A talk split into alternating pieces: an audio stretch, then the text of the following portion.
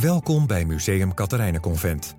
U gaat luisteren naar een lezing bij de tentoonstelling Body Language, het lichaam in de middeleeuwse kunst. Deze lezingen worden u aangeboden door de vrienden van het museum. U gaat nu luisteren naar vroeg-christelijke denkers over het lichaam door Rens Takoma, onderzoeker oude geschiedenis aan de Universiteit van Leiden. Ik weet natuurlijk in het geheel niet jullie achtergrond. Ik zal eerst even iets over mijn achtergrond vertellen. Ik ben uh, werkzaam in Leiden en ik doseer daar geen middeleeuwse geschiedenis, maar oude geschiedenis. Dat wil zeggen Grieks-Romeinse geschiedenis. De reden dat ik hier nu toch voor jullie mag staan, heeft te maken met een heel simpel gegeven, zoals dat soms gaat. Uh, ik ken degene, de gastconservator die de tentoonstelling Body Language heeft gemaakt, ken ik persoonlijk heel goed. Die ken ik al sinds mijn studietijd. Uh, en dat is gewoon mijn beste vriendin. En wij doen zo nu dan ook projecten samen. En zij is kunsthistorica en houdt zich bezig met de late middeleeuwen. En ik weet niet of u de tentoonstelling, de, prachtige tentoonstelling, al heeft bezocht of nog gaat bezoeken. Maar dan zult u onmiddellijk begrijpen wat haar thematiek is. Ik doe Romeinse oudheid en wij praten veel met elkaar. En zo nu dan komen we elkaar ook intellectueel tegen. En zo geven wij samen in Rome, geven wij met heel veel plezier geven wij cursussen over de keizer Constantijn, de laat-Romeinse keizer die zich tot het christendom bekeerde. En wat Wendelin van Wely dan doet, is vanuit de latere middeleeuwen terugkijken en vanuit de kunstgeschiedenis terugkijken. En wat ik doe, is vanuit de Romeinse tijd heen kijken. Nou, en Wendelin is al jaren, en ik ben echt diep onder de indruk van hoe zo'n tentoonstellingsproces gaat. Dat, wilt u, dat weet u misschien niet, en ik wist het in ieder geval al helemaal niet, maar dat is een ongelooflijk ingewikkeld proces. Uh, uh, daar is ze al jaren mee bezig geweest, dus ik heb dat eigenlijk steeds met allerlei verhalen heb ik dat uh, gevolgd. Heel interessant. En uiteindelijk toen was die tentoonstelling daar en toen keek ze mij met een grote grijns aan. En toen zei ze, Rens, je wilt toch ook wel een lezing geven? En, nou ja, dus Daarom sta ik hier nu, want dit is natuurlijk typisch zo'n uh, offer you can't refuse. Maar dat doe ik ook met heel veel. Als u naar de tentoonstelling gaat of al bent geweest, dan is het eigenlijk niet te missen wat daar gebeurt. En dat is ook mijn. Ik, ben, ik beschouw mezelf heel erg als een leek. Dus ik kijk daar gewoon met geïnteresseerde ogen naar. En wat daar eigenlijk gebeurt, is zou je kunnen zeggen dat het lijden gevierd wordt, om het maar zo te zeggen. Er zit een raar soort van paradox. Dat enorm uitvergroten van het menselijk lijden, of eigenlijk het lijden van uh, Jezus en de, de, figuren om hem heen wordt volledig uitgebuit, visueel zou je kunnen zeggen. En ik heb hier een van die afbeeldingen heb ik, uh, uh, gestolen en hier op de PowerPoint gezet. En dat drukt eigenlijk direct uit waar het om gaat. Die paradox, dat lijden, wat helemaal geëxploreerd wordt en in geuren en kleuren wordt geschilderd. En wat als u de catalogus uh, uh, koopt, en dat gaat u natuurlijk allemaal doen en ook gaat lezen, en dat gaat u ook allemaal doen. Uh, als u die catalogus bestudeert, dan zult u zien dat een van de belangrijke gedachten is. waarom komt dit nou? Dat is natuurlijk gewoon de vraag die je voortdurend daar hebt. en een van die belangrijke gedachten is, nou dat komt omdat daarmee de figuur van Jezus, die natuurlijk op een hele grote afstand stond, eigenlijk naar de bij wordt gehaald. Door zijn fysieke aspecten, de fysieke aspecten van het lijden te benadrukken, komt de, wordt de relatie tussen de gelovige en Jezus wordt vormgegeven en vooral ook wordt verkleind. Jezus komt daarmee naderbij. Dat is een hele belangrijke gedachte. Maar ik loop daar ook natuurlijk rond met mijn oud-historische bril en eh, met mijn Romeinse bril. En ik zie ook nog iets anders. En dat andere, daar wil ik u vandaag iets over vertellen. En ik neem u terug naar een kleine duizend jaar eerder, naar de laat-Romeinse tijd. En uh, ik wil u laten zien hoe je in wat hier gebeurt, hoe je de wortels daarvan al in de late oudheid kunt laten zien. En als we het over de late oudheid hebben, dan is een van de sleutelfiguren is de heer Augustinus, de grote westerse kerkvader, ongelooflijk belangrijk nadien in de latere middeleeuwen. Dus niet zomaar een willekeurige figuur, maar ook iemand die in de late middeleeuwen nog steeds ontzettend veel invloed heeft gehad. En Augustinus is uh, door twee werken echt heel beroemd geworden. En één daarvan, daar ga ik het vandaag met u over hebben, dat, is de, dat zijn de Confessiones. De belijdenissen, zoals dat in het Nederlands meestal wordt uh, vertaald. Het andere werk is over de stad van God, daar ga ik het niet over hebben. Die belijdenissen. En die belijdenissen die beschrijven, en ik weet niet hoe goed u in uw Augustinus zit, maar die belijdenissen die beschrijven het proces van bekering van Augustinus. En als u de catalogus heeft gekocht en u heeft nog geld over, dan zou ik zeggen: ga naar de boekwinkel en koop dat boek. Dit is een boek wat u echt moet hebben gelezen. Het is prachtig. Want Augustinus beschrijft op zeer persoonlijke manier hoe hij tot God is gekomen. En het is een persoonlijke zoektocht die hij schrijft, beschrijft, heel intens beschreven en interessant genoeg in de vorm, gericht tot God. God wordt letterlijk aangesproken in het boek. En dit werk wordt wel gezien als de eerste autobiografie in de wereldgeschiedenis. En dat moet je, en dat heb ik ook op de slide, heb ik dat wetenschappelijk correct gedaan, onmiddellijk tussen aanhalingstekens zetten, want wij zijn wetenschappers, dus we kwalificeren voortdurend al onze mededelingen, dus deze ook. Augustinus is heel selectief in wat hij wel en wat hij niet beschrijft. Hij licht er bepaalde dingen uit die in zijn bekeringsproces van belang zijn geweest. En interessant genoeg worden daar sommige aspecten in uitgelicht die voor ons niet per se heel logisch zijn, en, maar die voor mijn verhaal van dadelijk wel heel belangrijk zijn. En Peter Brown, en dit is als u na het kopen van de beleidenis nog geld over heeft, dan is dit het derde boek wat ik u aanraad om te kopen. Peter Brown heeft in een prachtig geleerd werk, The Body and Society, die merkt daar het volgende over op. En dat is een curieuze opmerking. U moet zich voorstellen, die beleidenissen van Augustinus is een heel dik boek, heel intens, filosofische zoektocht, religieuze zoektocht. En wat zegt Peter Brown ondertussen ergens ook wanneer hij dat werk analyseert? Dan zegt hij het volgende. Of all the writers of the early church, Augustine is the only one whose past sexual activity is known to us. This is because he looked back on it with unusual attentiveness, 10 years after his moment of decision when he wrote his Confessions around 397. Dus aan het einde van de vierde eeuw schreef Augustinus deze belijdenissen en hij beschreef daarin dat bekeringsproces. En in dat bekeringsproces selecteerde hij feiten uit zijn voorgaande leven die voor hem in die zoektocht van belang waren. En één daarvan is klaarblijkelijk dit: his past sexual activities. Voor ons is die stap tussen bekering en seksuele activiteit niet eentje die we denk ik heel logisch kunnen maken. Maar ik ga u dat uitleggen. Um, ik citeer een paar passages uit die Confessiones om u een beetje een indruk te geven van hoe dat boek in elkaar zit en de toon waarop Augustinus schrijft. En ik lees ze gewoon even aan u voor, ook vanwege het feit dat ik uh, op een podcast kom. Dus dan is het handig als ik het gewoon vertel wat er staat. Maar ik zal daarna ook uitleggen wat er gebeurt.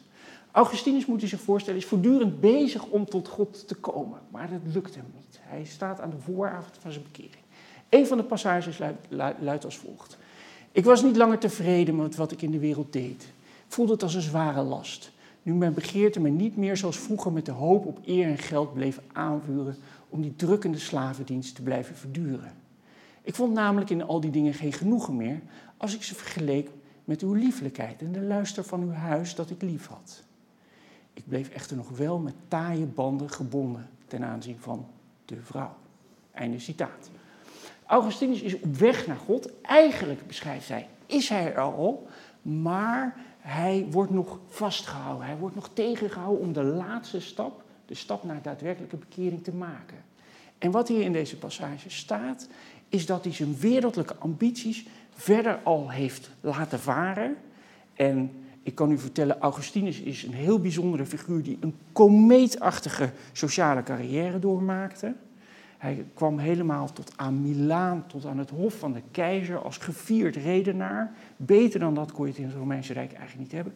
Dat heeft hij eigenlijk al besloten dat hij dat niet meer interessant vindt. Maar dan als laatste zin, ik bleef echter nog wel met taaie banden gebonden ten aanzien van de vrouw. Sterke taal. En u ziet al een beetje waar de remmingen zitten, waar de stap zit. En nog zo'n passage uit hetzelfde boek 8, maar elders in dat boek 8. Vergeefs, zo gaat het citaat, vergeefs was ik naar de inwendige mens met uw wet ingenomen, aangezien een andere wet in mijn ledematen zich weerde tegen de wet van mijn geest en mij gevankelijk bracht onder de wet van de zonde in mijn ledematen. De wet van de zonde is namelijk de gewelddadigheid van de gewoonte, waardoor de geest, ook al wil je het niet, wordt getrokken en vastgehouden. Een beetje obscure taal, heel sterk geformuleerd. De wet dit en de wet dat en ik word vastgehouden en zus en zo. De wet van de zonde is van een soort van gewelddadigheid. De wet van de zonde houdt mij tegen.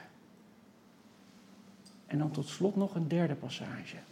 En het is vlak voor het moment dat Augustinus daadwerkelijk gaat beschrijven hoe hij tot zijn bekering kwam.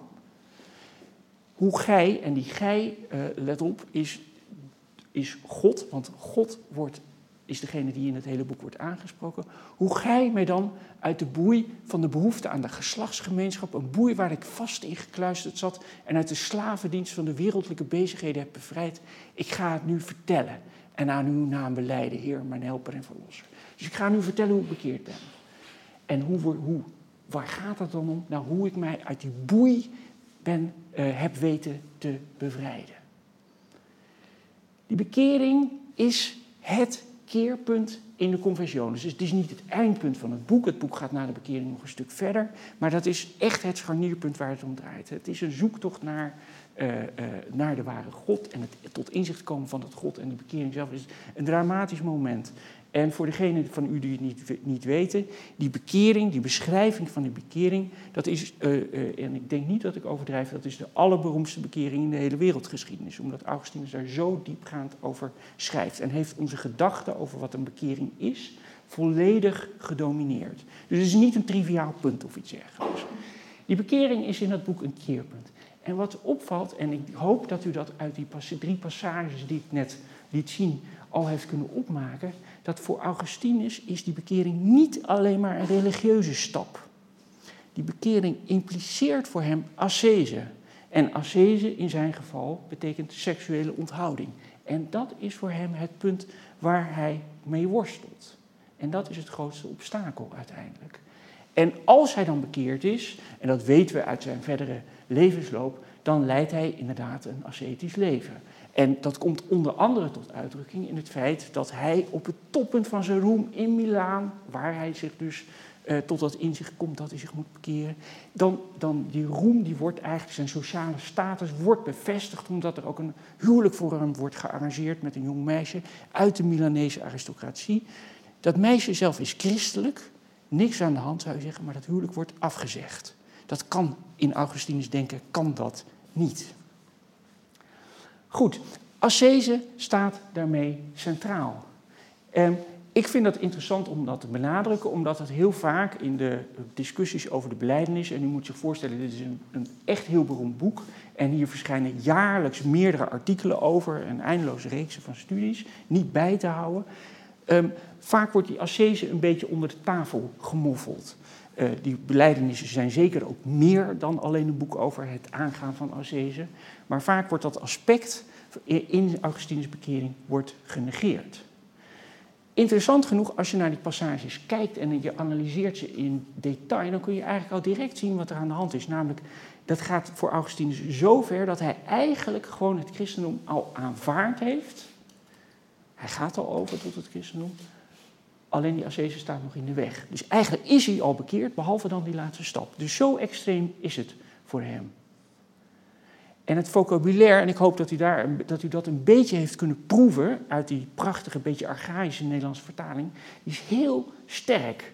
Um, hij, hij, heeft het over de taaie banden waarmee je gebonden blijft. Hij heeft het over de wet van de zonde en het geweld van de gewoonte. En hij heeft het over boeien en ketenen die hem vasthouden. De taal die hij gebruikt is bewust extreem, heel erg sterk. Hij wordt dus vastgehouden en hij probeert zich daaraan te ontworstelen. Nou, waarom is dit nou allemaal relevant als u naar die prachtige tentoonstelling gaat? Nou, dat komt omdat wat je hier ziet, is dat het lichaam in algemene zin heel duidelijk gebruikt wordt als een soort metafoor.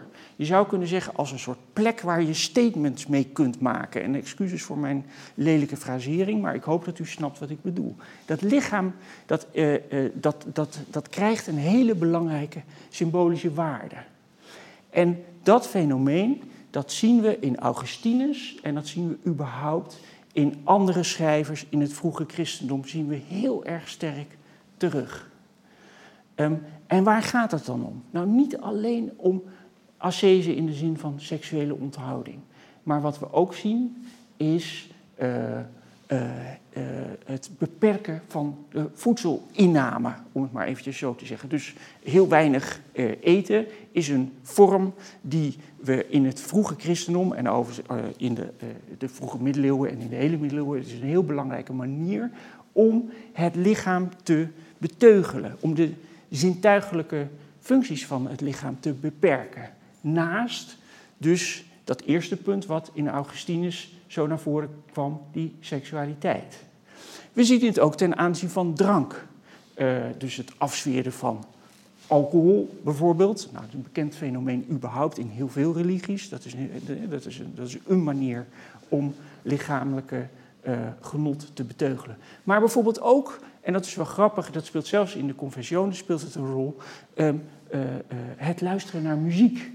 En voor diegenen van jullie die uh, middeleeuws christendom associëren met mooie kerkmuziek, is het wel interessant om te bedenken dat de vroege christenen, die discussieerden over van alles en met name over hun leef leefregels, maar een van de vragen was ook, wat mag je eigenlijk überhaupt wel plezier beleven aan muziek? En Augustinus' antwoord was: uh, geniet maar met mate, om het maar even zo te zeggen. Uh, maar in de confessiones komt dat zo nu dan ook naar voren allerlei manieren waarin, waaruit blijkt dat dat lichaam dus moet worden beteugeld, moet worden getemd. En waaruit je dus de conclusie kunt trekken dat dat lichaam ook een, ja, een functie vervult. Dat je daar mededelingen mee doet. En dat is natuurlijk interessant. En diezelfde Peter Brown, waarvan u inmiddels dat boek met het laatste overgebleven geld heeft aangeschaft, die beschrijft met name hoe in het vroege christendom hoe van die verschillende elementen, hoe het in het vroege christendom met name dat seksuele aspect is wat ongelooflijk groot wordt. Wat ontzettend belangrijk wordt. En wat Peter Brown ook heel goed laat zien, is dat er niet één opvatting is over hoe dan uh, uh, daarmee omgegaan moet worden. Uh, in Augustinus werk zelf figureren naast Augustinus ook andere personages. En je ziet daar al, als je goed analyseert, dat die daar niet allemaal precies hetzelfde over denken. En er is natuurlijk ook een ongelooflijk groot dilemma. Want het is heel erg leuk om ascese te prediken uh, en te preken en zelf te praktiseren. En je daarmee een ongelooflijk goede christen te voelen. Maar tegelijkertijd, we zijn in de vierde eeuw. Keizer Constantijn heeft zich tot het christendom bekeerd. De kerk is heel groot aan het worden. En het is natuurlijk heel duidelijk dat je, als je dit als sociale norm gaat hanteren, uh, dat je niet de kerk heel tot enorm grote bloei kunt gaan maken. En ook die christelijke auteurs, die waren zich daar zelf ook van bewust. En die moesten daar dus op de een of andere manier mee omgaan. Goed. Um, uh, uh, die variëteit in opvattingen, dat moet ik er nog bij zeggen, was tegelijkertijd ook een manier waarop die vroege christenen met elkaar discussieerden. En dat waren geen neutrale, of je zou kunnen zeggen academische discussies van goh, wat zullen we eens doen met de ascese, hoe zullen we onze levens gaan inrichten. Dit was een ongelooflijk belangrijk punt uh, waarin uh, mensen ook ja, eigenlijk sterk gepolitiseerd met elkaar aan het discussiëren waren. Dus onderdeel van een grotere richtingenstrijd. En ik weet niet hoe goed uw uh, kennis van het vroege christendom in de late oudheid is, maar er zijn sowieso eindeloze reeksen van theologische discussies. Maar er zijn dus ook heel veel discussies over de vraag: wat doen we nou eigenlijk met dit soort van vraagstukken? Hoe mag je het lichaam inzetten? En geldt het dan voor iedereen of geldt het alleen maar voor sommige mensen? En heel vaak kwam men uit op die laatste positie. Dat voor sommige mensen inderdaad die ascese een soort van hogere vorm van christendom gaat inhouden. Het lichaam fungeert als metafoor in het vroege christendom. En ascese fungeert als uh, uh, ja, belangrijke manier om je te uiten. En hoe wordt daar nou over nagedacht? Hoe wordt dat gerepresenteerd? Nou, er zijn uh, verschillende manieren waarop in de teksten die we hebben, daar dat wordt, ja, wordt gepresenteerd. Uh, in Augustinus zelf, en die kleine passages van dat hele dikke werk, die Confessiones, die laten dat al zien. Voor een deel wordt het gezien als een soort van voortdurend gevecht. Iets wat je voortdurend moet aangaan. En dat geldt bijvoorbeeld ook voor het je matigen wat voedsel betreft. Dat is natuurlijk een voortdurende strijd met, met, met dromen die je dan hebt over voedsel. En dat moet dan weer, weer weg worden gehouden. En dat soort van beelden komen eigenlijk voortdurend in onze teksten naar voren. En zo ook in de confessiones. In de conventiones zelf niet, maar in andere teksten wel, zie je ook dat dit soort vormen van gedrag heel vaak wordt gezien en gepresenteerd als een nieuw, nieuwe vorm van martelaarschap. Het christendom was in de, in de vierde eeuw was een toegestane religie geworden. Sterker nog, het was de, de, de begunstigde religie.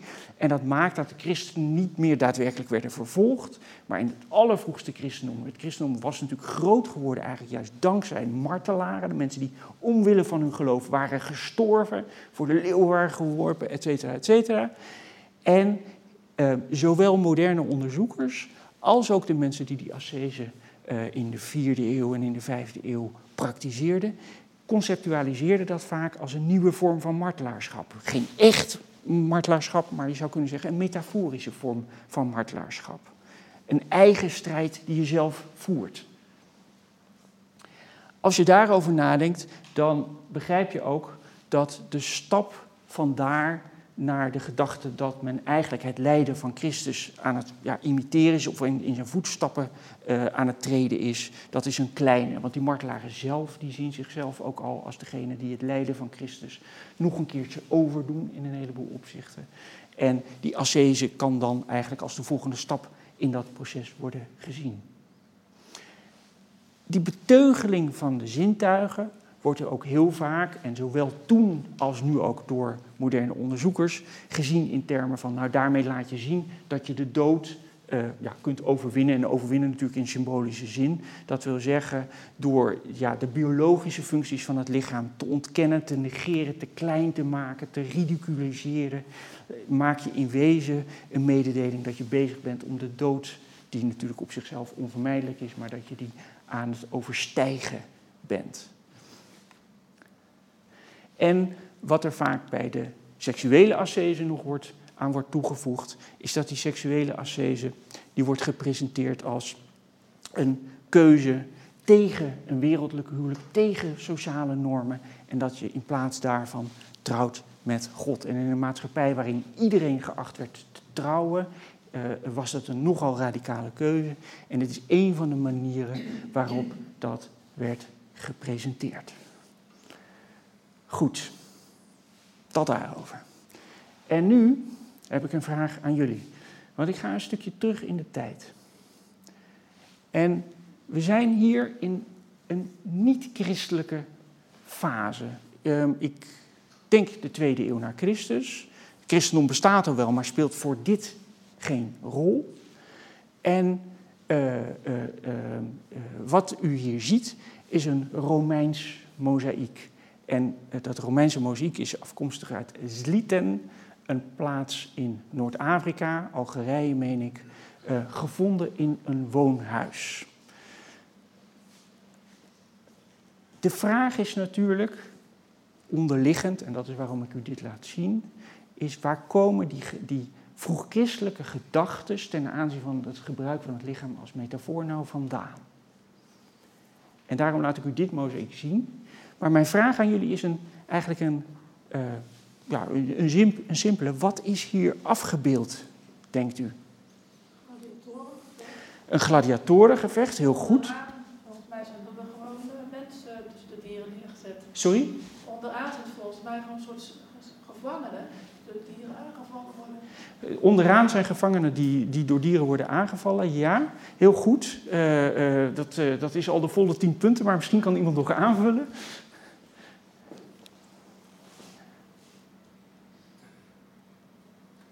Nog verdere analyse. En ik ga ervan uit, jullie zijn tentoonstellingsbezoekers, dus jullie zijn veel visueler dan ik. Gemaakt, Sorry? Muziek wordt er ook gemaakt. Ja, er wordt muziek gemaakt boven. Waarom zou er muziek gemaakt worden? Hoe is, het, hoe is, denken jullie, dit mozaïek opgebouwd?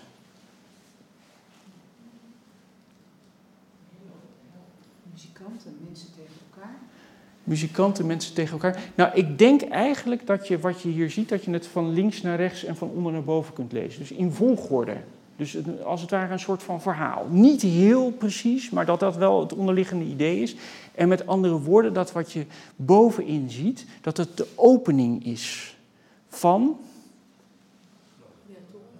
Van gladiatorengevechten, ja, van spelen, van een festival. Ja, oké.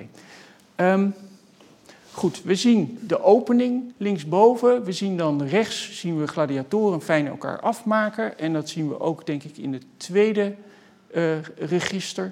En dan in het derde. Wat gebeurt daar nou precies?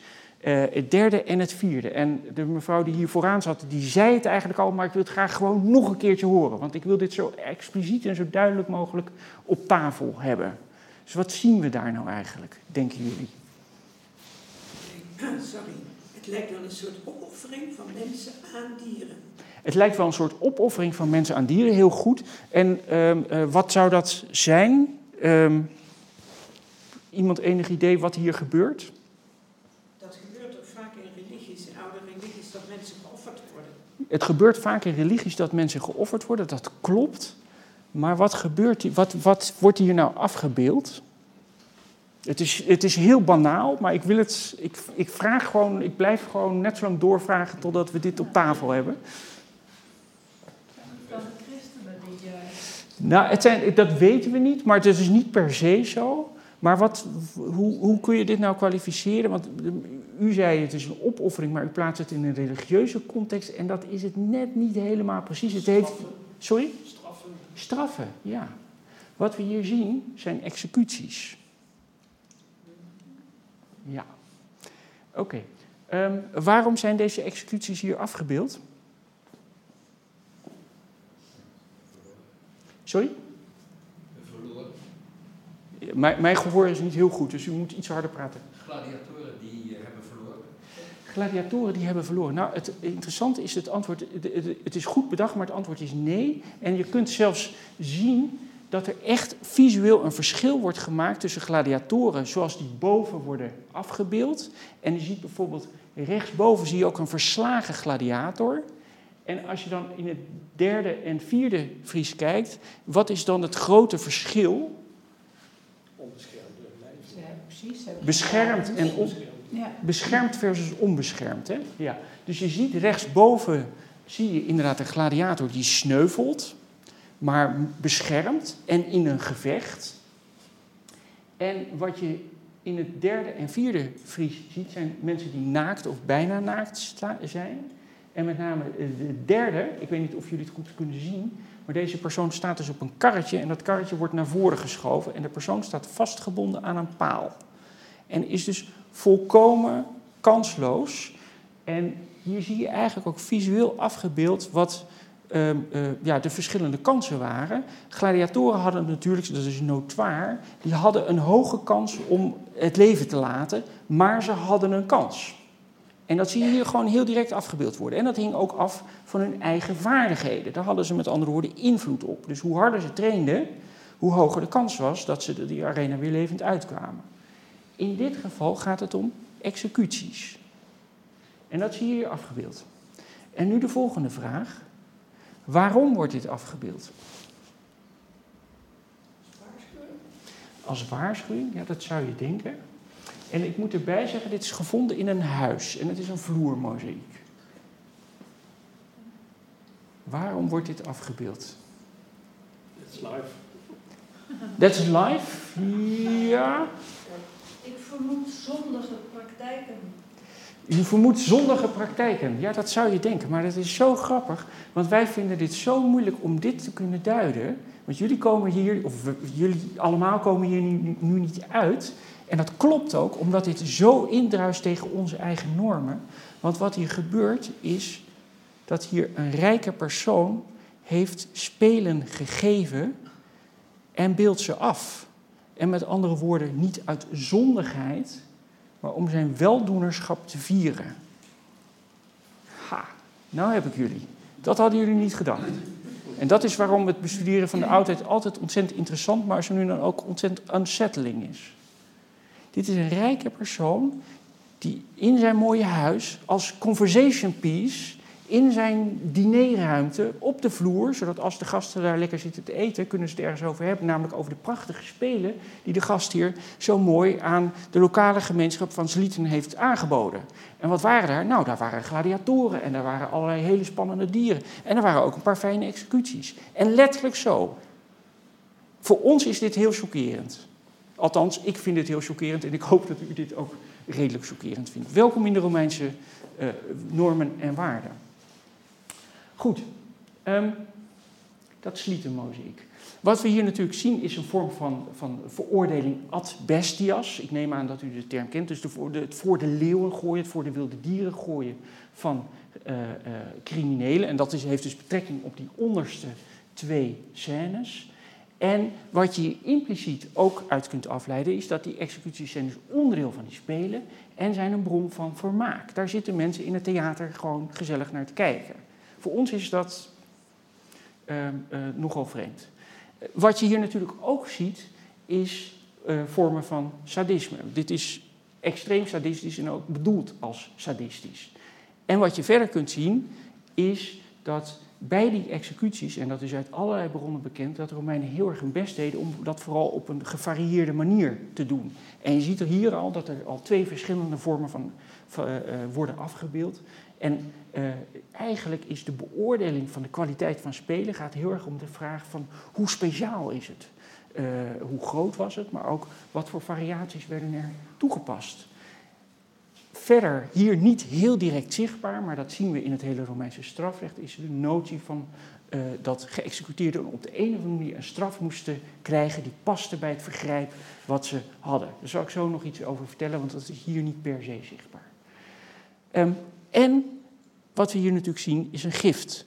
Uh, uh, dus een weldoener die eigenlijk gewoon zichzelf viert en laat zien hoe gul hij is. En wat een goed mens, moreel goed mens. Dus geen zondebesef, uh, maar wat een moreel goed mens hij is, want hij geeft namelijk aan de gemeenschap. En tot slot, wat je hier ziet, eigenlijk indirect, is uh, vormen van institutionalisering. En ik vind dat zelf heel interessant. Romeinen waren niet, extreem, niet alleen extreem breed in de manier waarop ze omgingen met misdadigers, maar ze bouwden er ook een waanzinnige infrastructuur omheen. Dus al die amfitheaters die we nu gewoon gezellig aan het bezoeken zijn, dat waren natuurlijk verschrikkelijke plaatsen. Maar die werden, werden stenen gebouwen gecreëerd waarin dit soort van spelen plaatsvonden. En die institutionalisering die verloopt ook langs andere routes. Niet alleen in de monumenten, maar ook in de verwachtingen die gecreëerd worden. Want deze weldoener staat niet op zichzelf. Maar je moet je voorstellen dat er duizenden steden in het Romeinse Rijk zijn... waar allemaal mensen zich, uh, uh, zichzelf uh, belangrijk lopen te voelen. En wat, wat doe je dan als je jezelf zo belangrijk voelt... als je lid van de elite wil zijn? Nou, dan ga je dit soort van spelen geven. Dat wordt je geacht te doen. En dat doen mensen ook ruimhartig. En er is ook geen enkele discussie verder over. Dit is gewoon het ge gewoon geaccepteerde gedrag. Oké. Er zijn net iemand al die dacht, misschien zijn dit wel christenen. Nou, dat weten we in dit geval niet. En de kans is niet zo heel groot, want dit ging over allerlei soorten van misdadigers werden op deze manier geëxecuteerd. Maar de gedachte is niet helemaal vreemd. Want wat wij horen over de vroegste christenvervolgingen verloopt eigenlijk op dezelfde manier. En er is een hele beroemde passage in Tacitus, de grote Romeinse historicus, die beschrijft hoe na de brand van Rome, hoe door de, uh, de keizer Nero, hoe de christenen veroordeeld werden. En misschien kent u deze passage wel. Ik lees het in rood gedrukte, lees ik even voor. En aan hun executie werden nog bespottingen toegevoegd, zodat zij in dierenhuiden gewikkelde honden werden verscheurd of aan kruisen genageld na het vallen van de avond als nachtelijke verlichting verbrand werden. Afschuwelijke straffen die na de brand van Rome aan deze christenen werden uitgedeeld. En hier zie je overigens het idee van de passende straf optreden, want het is niet uh, uh, toevallig dat die christenen in brand worden gestoken na de brand van Rome. Dat is dus het idee van die passende straf. Tacitus die suggereert dat dit specifiek het sadisme van Nero is, in het stuk van de passage wat ik hier niet op de slide heb staan. Maar als je naar zo'n mozaïek als dat van Slieten kijkt en daarover nadenkt, dan realiseer je dat het eigenlijk gewoon staande praktijk is. Dit is hoe men met misdadigers omgaat. Goed. Ik ga eventjes uh, snel door eentje, uh, door twee slides heen. Want eh, we moeten zo ook nog wat tijd voor vragen overhouden. Ehm, wat gebeurt er nou aan christelijke zijde? Hoe reageren christenen hier nou op? Dus je moet zich voorstellen, ze worden dus beschouwd als misdadigers en ze worden op een dergelijke wijze door de Romeinen worden ze behandeld. Gruwelijk. En er zijn een heleboel redenen te verzinnen waarom het christendom uiteindelijk in het Romeinse Rijk de overhand kreeg. Maar één daarvan ligt zonder enige twijfel besloten in de manier waarop zij hiermee omgingen. Met dat feit dat ze voor die leeuwen werden gegooid. En wat je in het vroege christendom krijgt, is dat de notie van het martelaarschap extreem belangrijk wordt. Mensen die sterven voor hun geloof.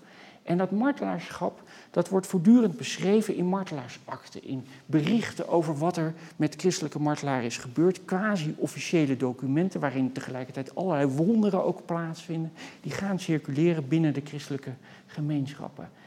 En wat je daarin ziet, is iets heel interessants. En dat is wat voor mij vandaag heel belangrijk is. En dat is wat je technisch gezien inversie noemt. Romeinen die benadrukken dat, uh, om met Gerard Reven uh, te spreken, uh, slecht, arme mensen zijn slecht en daarom zijn ze arm. dus criminelen zijn slecht en daarom zijn ze crimineel. Dus ze verdienen, criminelen verdienen straf. Dat is hoe, hoe Romeinen denken. Maar wat christenen doen, is dat ze dat om gaan draaien. Die executies, die in Romeinse ogen eigenlijk vooral symboliseren dat mensen extreem slecht zijn en uit de gemeenschap verwijderd dienen te worden, er zit een hele sterke symbolische component aan. Die christenen die draaien dat om. En daar zijn ze extreem succesvol in. En in die martelaarsakte zie je het gebeuren. En iets wat in Romeinse ogen extreem negatief geladen is, krijgt een positieve lading. Um, mensen die sterven voor hun geloof en doorstaan eigenlijk alle vernederingen. En wat je ook ziet, is dat in, dat in, die, in die beschrijvingen van die martelaarsakten, is, is heel interessant, die worden opgesteld als eigenlijk gewone procesakten, zoals de Romeinen die zelf ook maakten. Alleen alle waarden worden omgedraaid. En dan krijg je van die fantastische discussies tussen de christen die pal staat voor zijn geloof en de gouverneur die hem heel streng toespreekt. Maar natuurlijk wint de martelaar het altijd op symbolische wijze van de gouverneur. Met woorden en uiteindelijk vaak ook in wonderen wanneer die gedood moet worden. En toch uiteindelijk uh, dan eerst uh, uh, bijvoorbeeld vrijwillig zijn hoofd in de, in de, in de muil van een leeuw steekt en de leeuw bijt dan niet. En al dat soort van verhalen komen dan op. En in die martelaarsakte zie je dat gebeuren. Dus iets wat voor Romeinen het summum van is en het summum van negatief is, dat wordt door de christenen wordt gevierd. En daarmee komen we in de buurt natuurlijk van waar die tentoonstelling over gaat. Die omdraaiing en het gebruiken van je lichaam als metafoor, dat zie je daar gebeuren. En daarmee behalen de christenen ook in symbolische zin behalen ze de overwinning op de dood. En je ziet dan ook dat dat lichaam, wat voor de Romeinen vooral iets is wat je kunt slaan en wat je kunt straffen, dat dat in het vroege christendom zo precies andersom functie gaat krijgen. En juist die omdraaiing, daar zit natuurlijk, denk ik, de grote sleutel tot succes in. Dat lichaam, dat gaat als metafoor dienen. En dat fysieke lijden, dat wordt, ondanks alle pijn die beschreven wordt, wordt positief geladen. Want waarom leid je nou? Je leidt om je geloof uh, te beleiden. Um, en dat krijgt dus een positieve lading. En wat je dan in de late oudheid vooral ziet, is dat dat primair, dat dat lijden vooral verloopt via dat wat Augustinus beschrijft, namelijk via seksuele onthouding. Uh, dat is vooral de manier waarop dat tot uitdrukking wordt gebracht.